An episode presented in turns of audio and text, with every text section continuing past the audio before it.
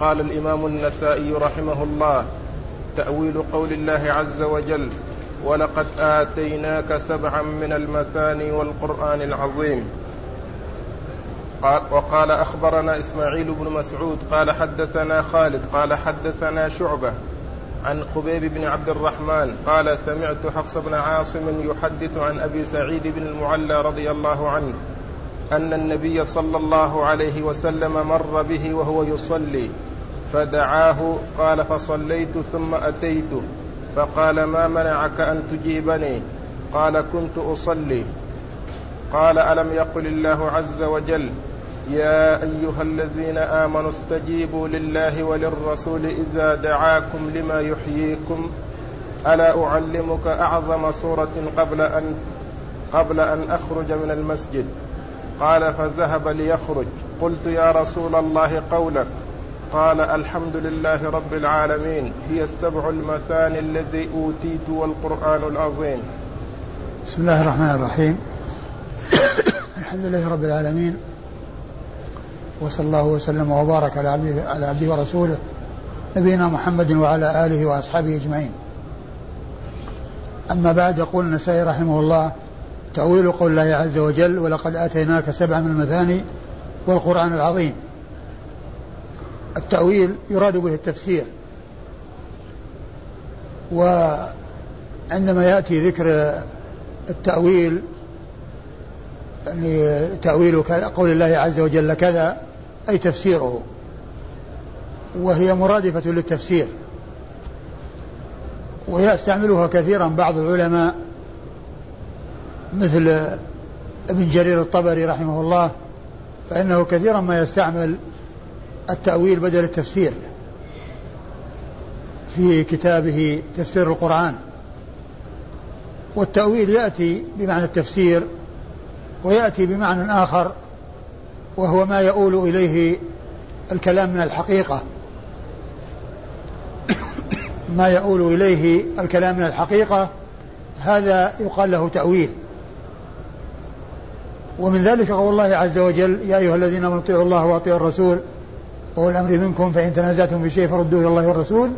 إن كنتم تؤمنون بالله واليوم الآخر ذلك خير وأحسن تأويلا. يعني مآلا وعاقبة.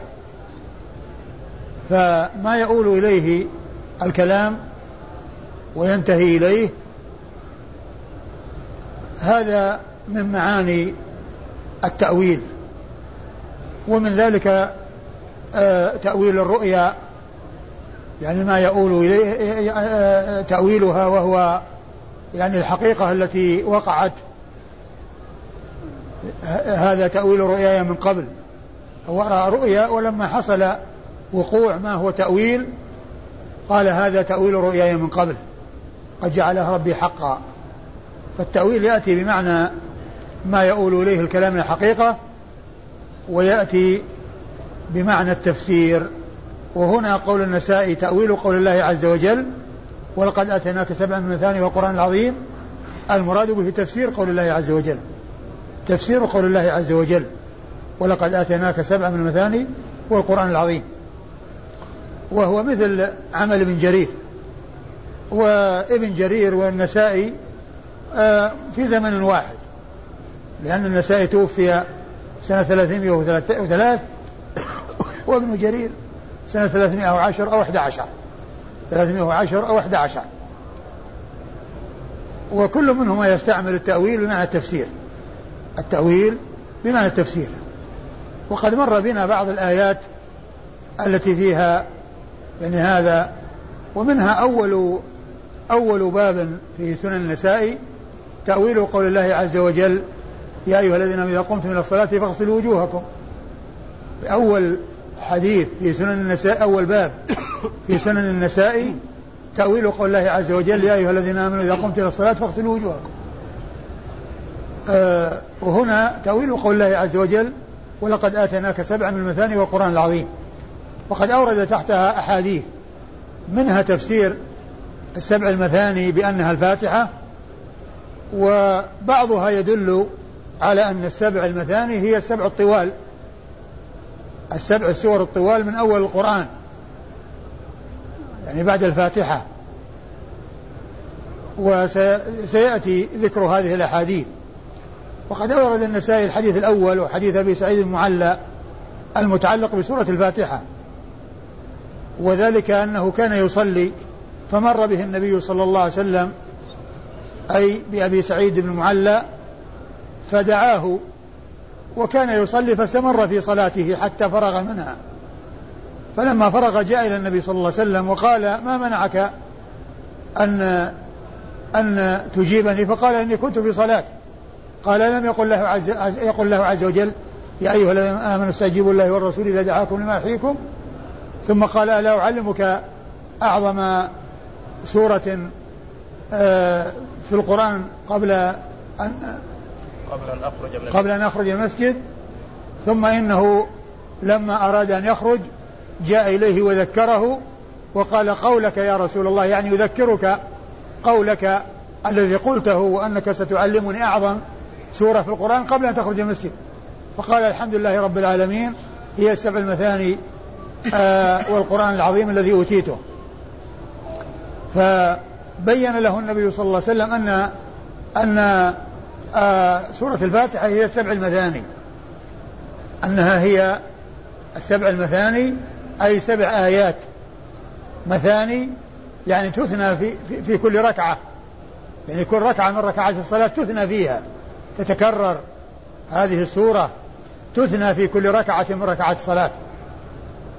وهذا هو معنى كونها مثاني لأنها تثنى أي تكرر قراءتها ويؤتى بها قراءة بعد قراءة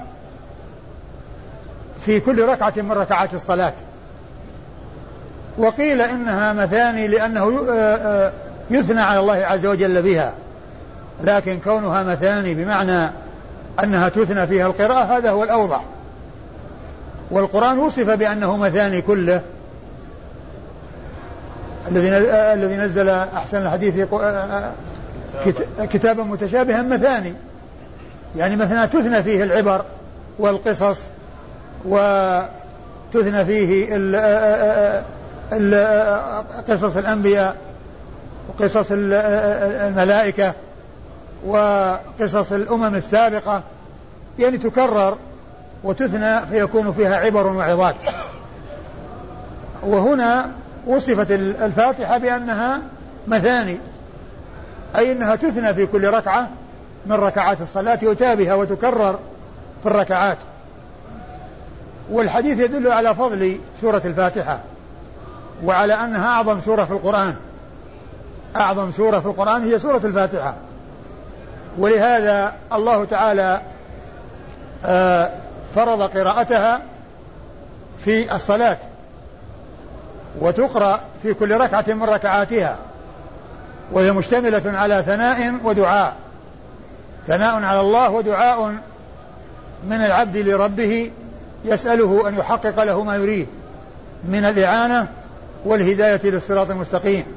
صراط المنعم عليهم من النبيين والصديقين والشهداء والصالحين غير طريق المغضوب عليهم والضالين وهم اليهود والنصارى الذين عرفوا الحق ولم يعملوا به والذين يعبدون الله على جهل وضلال. فهذه سورة فالحديث يدل على فضلها وعلى عظم شأنها. ثم إن قول الرسول صلى الله عليه وسلم لا أخبرك أو لا أعلمك أعظم سورة في القرآن قبل أن أخرج من المسجد ولم يعلمه في الحال ليستعد ويتهيأ وليشغل باله في التفكير والاستعداد والتهيؤ. ثم إنه لما أراد أن يخرج جاء وذكره وقال قولك يا رسول الله. يعني يذكرك قولك يا رسول الله. أنك ستعلمني أعظم سورة في القرآن قبل أن تخرج من المسجد. فأخبره بأنها الفاتحة. الحمد لله رب العالمين. هي السبع المثاني والقرآن العظيم الذي أوتيته. و وقيل لها سبع مثاني آه، آه، سبع مثاني لأنها مشتملة على سبع آيات. وقد عدت البسملة آية من الآيات السبع. ومن العلماء من قال إن إنها سبع وأن السابعة هي الآية الأخيرة تكون آيتين. صراط الذين أنعمت عليهم آية ثم غير مغضوب عليهم ولا الضالين آية أخرى. لكن المشهور أن البسملة هي الآية الأولى. ولهذا عندما رقمت الآيات أعطيت سورة الفاتحة أعطيت البسملة الرقم الأول أي الآية الأولى بعد بسم الله الرحمن الرحيم رقم واحد الذي هو يعني الآية الأولى. ثم الحمد لله رب العالمين رقم اثنين اللي هي الآية الثانية. فهي سبع آيات قيل لها السبع المثاني وهي مثاني كما عرفنا لأنها تثنى فيها القراءة. وقوله هو القرآن العظيم قيل إن أن هذا وصف للفاتحة وأنها أطلق عليها القرآن العظيم لعظمها ولعظم شأنها. وهو من إطلاق الكل على البعض. وقيل إن إنها معطوفة والعطف للمغايرة. يعني أنها عاطفة يعني والقرآن العظيم هو ما أعطيته و يعني وهو غير الفاتحة. يعني أعطيت سبع المثاني وأعطيت القرآن العظيم يعني ما عداها. وهي من القرآن. وهي من القرآن. أو تكون ذكرت مرتين مرة على سبيل الاستقلال ومرة على سبيل دخولها تحت اللفظ العام. ويكون من جنس تنزل الملائكة والروح. يعني يكون جبريل جاء مفردا وجاء مندرجا تحت اللفظ العام. وجاء مندرجا تحت اللفظ العام. فيكون عطف القرآن العظيم عليها من عطف العام على الخاص. والفاتحة داخلة في ذلك العام. ولكنها أفردت ونص عليها بإفرادها لأهميتها. فيكون إما أن يكون القرآن العظيم يراد به الفاتحة مع سبع المثاني ويكون من إطلاق الكل على البعض أو وذلك لأهمية هذه السورة أو يكون آه، المراد به وما عداها والقرآن العظيم يعني أعطيت الفاتحة وأعطيت ما عداها الذي هو غير القرآن غير الفاتحة أو أن عطف القرآن العظيم على الفاتحة من عطف العام على الخاص الذي يكون الخاص فيه ذكر مرتين مرة بانفراده ومرة تحت باندراجه تحت اللفظ العام. وفي هذا في هذه الحديث دليل على أن السنة تفسر القرآن. وتبينه لأن هذه الآية ولقد آتيناك سبعا من مثاني القرآن العظيم جاء هذا الحديث بأن المراد بها سورة الفاتحة بأن المراد بها سورة الفاتحة. وهذا فيه تفسير السنة بالقرآن تفسير القرآن بالسنة والسنة تفسر القرآن وتبينه وتدل عليه. ثم ما جاء قول الرسول صلى الله عليه وسلم لأبي سعيد المعلى مناداته له في الصلاة ثم آه، أبو سعيد رضي الله تعالى عنه آه، آه، لم يجب الرسول صلى الله عليه وسلم لأنه في صلاة فظن أن أن أن إجابته إنما تكون بعد الفروغ بعد الفراغ. والرسول صلى الله عليه وسلم قال له لماذا لم تجب؟ فقال إن كنت في صلاة. قال لم يقل الله عز وجل يا أيها الذين استجيبوا الله والرسول إذا دعاكم لما يحييكم. قالوا هذا من خصائصه أنه لو دعا أحدا وهو في الصلاة فإنه يجيبه وهو في الصلاة. قالوا وهذا يكون من خصائصه صلى الله عليه وسلم لأن أبا سعيد لما اجتهد ورأى أنه يستمر في الصلاة وأنه يجيب بعد الصلاة الرسول صلى الله عليه وسلم أنكر عليه وقال بعد أن قال له إني كنت في صلاة كنت في صلاة قال ألم يقل الله يا أيها الذين آمنوا استجيبوا لله والرسول إذا دعاكم لما يحييكم. قالوا وهذا من خصائصه صلوات الله وسلامه وبركاته عليه. أما إسناد الحديث فيقول النسائي أخبرنا؟ إسماعيل بن مسعود. أخبرنا إسماعيل بن مسعود وهو أبو مسعود البصري وهو ثقة خرج حديثه النسائي وحده. حدثنا خالد. حدثنا خالد هو بن الحارث البصري وهو ثقة خرج حديثه أصحاب الكتب الستة. حدثنا شعبة. حدثنا شعبة هو بن الحجاج الواسطي ثم البصري وهو ثقة ثبت وصف بأنه أمير المؤمنين أمير المؤمنين في الحديث وهي من أعلى صيغ التعديل وحديثه عند أصحاب الكتب الستة. عن خبيب بن عبد الرحمن. عن خبيب ابن عبد الرحمن. خبيب ابن عبد الرحمن الأنصاري. نعم. وهو ثقة. ثقة خرج له الجماعة. وهو ثقة خرج له أصحاب الكتب الستة. ثقة خرج له أصحاب الكتب الستة. عن عاصم عن حفص بن عاصم ابن عمر بن الخطاب. حفص بن عاصم بن عمر ابن الخطاب وهو ثقة خرج له أصحاب الكتب الستة.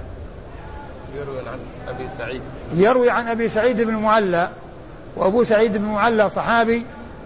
آه قيل اسمه رافع وهو من الأنصار. وأخرج له البخاري وأبو داود والترمذي والنسائي. البخاري وأبو داود والترمذي والنسائي. أبو داود والنسائي وابن ماجه. نعم. أبو داود والنسائي وابن ماجه. آه البخاري وأبو داود والنسائي وابن ماجه. البخاري وأبو داود والنسائي وابن ماجه والبخاري لم يخرج له إلا هذا الحديث الواحد. البخاري لم يخرج له إلا حديثا واحدا هو هذا. هذا الذي معنا الذي رواه النسائي رواه البخاري. والصحابي هو أبو سعيد المعلى ولم يروي البخاري لأبي سعيد المعلى غير هذا الحديث الذي هو حديث آآ آآ أن فاتحة الكتاب هي السبع المثاني.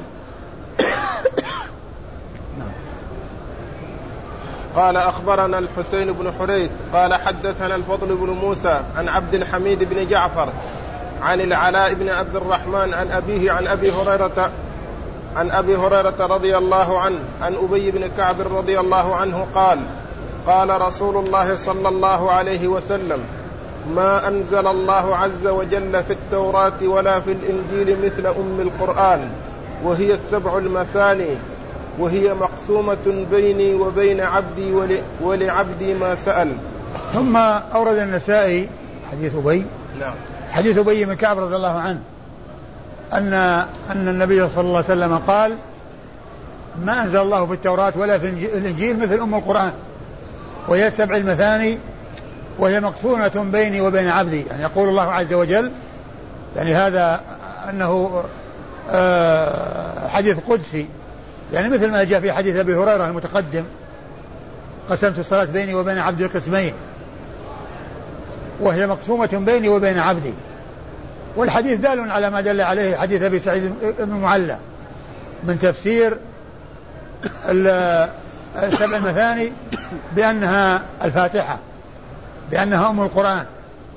تفسير السبع المثاني التي جاءت في سورة الحجر بأنها بأن المقصود بها الفاتحة أم القرآن فهي السبع المثاني. فالحديث دال على ما دل عليه حديث أبي سعيد المعلى وفيه تفسير السنة بالقرآن كما في الذي قبله. تفسير السنة بالقرآن أي تفسير القرآن بالسنة وتوضيح السنة للقرآن كما دل عليه الحديث الذي قبله. أخبرنا الحسين بن حريث. أخبرنا الحسين بن حريث الحسين بن حريث المروزي وهو ثقة خرج حديثه أصحاب الكتب الستة إلا ابن ماجه. أصحاب الكتب الستة إلا ابن ماجه فإنه لم يخرج له شيئا. عن الفضل ابن ابن موسى. الفضل بن موسى المروزي. وهو ثقة. ثقة ثبت نعم. وهو ثقة ثبت خرج له أصحاب الكتب الستة. ثقة ثبت خرج له أصحاب الكتب الستة. عن عبد الحميد بن جعفر. عن عبد الحميد بن جعفر. صدوق. صدوق ربما وهم. نعم. خرج له من؟ البخاري تعليقا والباقور نعم خر... آه، هو صدوق ربما وهم. عبد الحميد بن جعفر صدوق ربما وهم. خرج له البخاري تعليقا وأصحاب ومسلم وأصحاب السنن الأربعة. عن العلاء بن عبد الرحمن. عن العلاء بن عبد الرحمن ابن يعقوب الحرقي الجهني المدني وهو صدوق ربما وهم. وحديثه أخرجه البخاري في جزء القراءة ومسلم وأصحاب السنة الأربعة. يروي عن أبيه عبد الرحمن بن يعقوب الحرقي الجهني والحرقة من جهينة المدني وهو ثقة خرج حديثه أيضا البخاري في جزء القراءة ومسلم وأصحاب السنة الأربعة. أعني أن الذين خرجوا له كالذين خرجوا لابنه. عن أبي هريرة. عن أبي هريرة عبد الرحمن بن صخر صاحب رسول الله صلى الله صلى الله عليه وسلم وأكثر الصحابة حديثا على الإطلاق رضي الله تعالى عنه وأرضاه. عن أبي بن كعب. عن عن, عن أبي هريرة؟ أيوه. عن أبي هريرة عن أبي بن كعب رضي الله تعالى عنه. عن أبي هريرة عن أبي بن كعب رضي الله عنه وأبي بن كعب صاحب رسول الله عليه الصلاة والسلام وهو سيد القراء وهو الذي آه، أمر الله نبيه أن يقرأ عليه سورة لم يكن الذين كفروا فقال وسماني لك يا رسول الله؟ قال نعم. فبكى أبي. لأن الله تعالى أمر نبيه أن يقرأ سورة لم يكن على أبي. قال وسماني لك يا رسول الله؟ قال نعم. فبكى أبي يعني من الفرح رضي الله تعالى عنه وأرضاه. وحديثه عند أصحاب الكتب الستة. قال أخبرني محمد بن قدامة قال حدثنا جرير عن الأعمش عن مسلم عن سعيد بن جبير عن ابن عباس رضي الله عنهما أنه قال أوتي النبي صلى الله عليه وسلم سبعا من المثاني السبع الطول. ثم ورد النسائي حديث ابن عباس رضي الله تعالى عنهما قال إن النبي صلى الله عليه وسلم أعطي أعطي أوتي. أوتي؟ نعم. آه. أوتي النبي صلى الله عليه وسلم سبعا من المثاني. سبع مثاني؟ السبع الطول أي. أوتي النبي قال أوتي. نعم. أوتي النبي صلى الله عليه وسلم آه السبع المثاني آه السبع الطول. السبع الطول يعني السبع السور الطوال. وهي البقرة والعمران والنساء والمائدة والأنعام والأعراف والتوبة أو يونس. والتوبة أو يونس. قيل التوبة وقيل يونس. يعني ما ذكرت آه ما ذكرت الأنفال لأنها ليست طويلة ليست من الطوال. ومن العلماء من قال إن الثنتين هما سابعة السبع الطوال يعني الأنفال والمائدة. لأنه ما فصل بينهما بسم الله الرحمن الرحيم. فهو نعم. والتوبة نعم. الأنفال والتوبة. ما فصل بينهما ببسم الله الرحمن الرحيم فهما بمثابة السورة الواحدة فيكونان هما جميعا السبع الطوال السابعة السبع الطوال وقيل إن السابعة هي التوبة وقيل إنها يونس. وإذا فهذا تفسير للسبع المثاني بأنها السبع الطوال وهذا من كلام ابن عباس رضي الله عنه ويقول ان إن النبي صلى الله عليه وسلم أوتي السبع المثاني آه التي هي السبع الطوال. أخبرنا محمد بن قدامة. أخبرنا محمد بن قدامة. أخبرني. أخبرني محمد بن قدامة هو المصيصي. وأخبرني الفرق بينها وبين أخبرنا أن الراوي عندما يسمع من الشيخ وهو وحده يقول أخبرني. وعندما يسمع ومعه غيره يقول أخبرنا. يفصلون بين ما إذا سمع وحده يقول أخبرني وإذا سمع ومعه غيره يقول أخبرنا. ومحمد بن قدامة هو المصيصي. وهو ثقة؟ نعم. خرج له من؟ أبو داود والنسائي. محمد بن قدامة المصيصي ثقة خرج له أبو داود والنسائي. قال حدثنا جرير. قال حدثنا جرير وابن عبد الحميد. وهو وهو ثقة خرج حديثه أصحاب الكتب الستة. عن الأعمش. عن الأعمش وهو سليمان بن مهران الكاهلي الكوفي. وهو ثقة حديثه أخرجه أصحاب الكتب الستة. ولقبه الأعمش واسمه سليمان. وقد ذكرت مرارا أن معرفة ألقاب المحدثين من الأمور المهمة في علم مصطلح الحديث. وفائدة معرفة هذا النوع من أنواع علوم الحديث حتى لا يظن الشخص الواحد شخصين إذا ذكر باسمه مرة وذكر بنسبه بلقبه مرة أخرى. من لا يعرف يظن أن هذا شخص وهذا شخص. ومن يعلم لا يلتبس عليه الأمر فيعلم أن سليمان المهران لقبه الأعمش فإذا جاء بلقبه هو هو وإذا جاء باسمه فهو هو. وحديثه أخرجه أصحاب الكتب الستة. عن مسلم. عن مسلم ابن عمران البطين. مسلم بن عمران البطين وهو ثقة خرج حديثه وأصحاب الكتب الستة. عن سعيد بن جبير. عن سعيد بن جبير آه وهو ثقة خرج حديثه وأصحاب الكتب الستة. عن ابن عباس. عن ابن عباس عبد الله بن عباس ابن عم رسول الله عليه الصلاة والسلام وأحد العبادلة الأربعة في الصحابة وأحد السبعة المكثرين من حديث رسول الله صلى الله عليه وسلم ورضي الله تعالى عنه وعن الصحابة أجمعين وحديثه عند أصحاب الكتب الستة. قال أخبرنا علي بن حجر قال حدثنا شريك عن أبي إسحاق عن سعيد بن جبير عن ابن عباس رضي الله عنهما في قوله عز وجل سبعا من المثاني قال السبع الطول. ثم أورد النسائي طريقا أخرى عن ابن عباس وفيها قوله إن السبع المثاني هي السبع الطول فهو مثل الذي قبله وإسناده آه علي بن حجر هو بن إياس السعدي المروزي وهو ثقة خرج حديثه البخاري ومسلم والترمذي والنسائي البخاري ومسلم والترمذي والنسائي. حدثنا شريك. حدثنا شريك وهو بن عبد الله القاضي النخعي الكوفي وهو صدوق آه، يخطئ كثيرا وحديثه أخرجه البخاري تعليقا ومسلم وأصحاب السنة الأربعة. عن أبي إسحاق.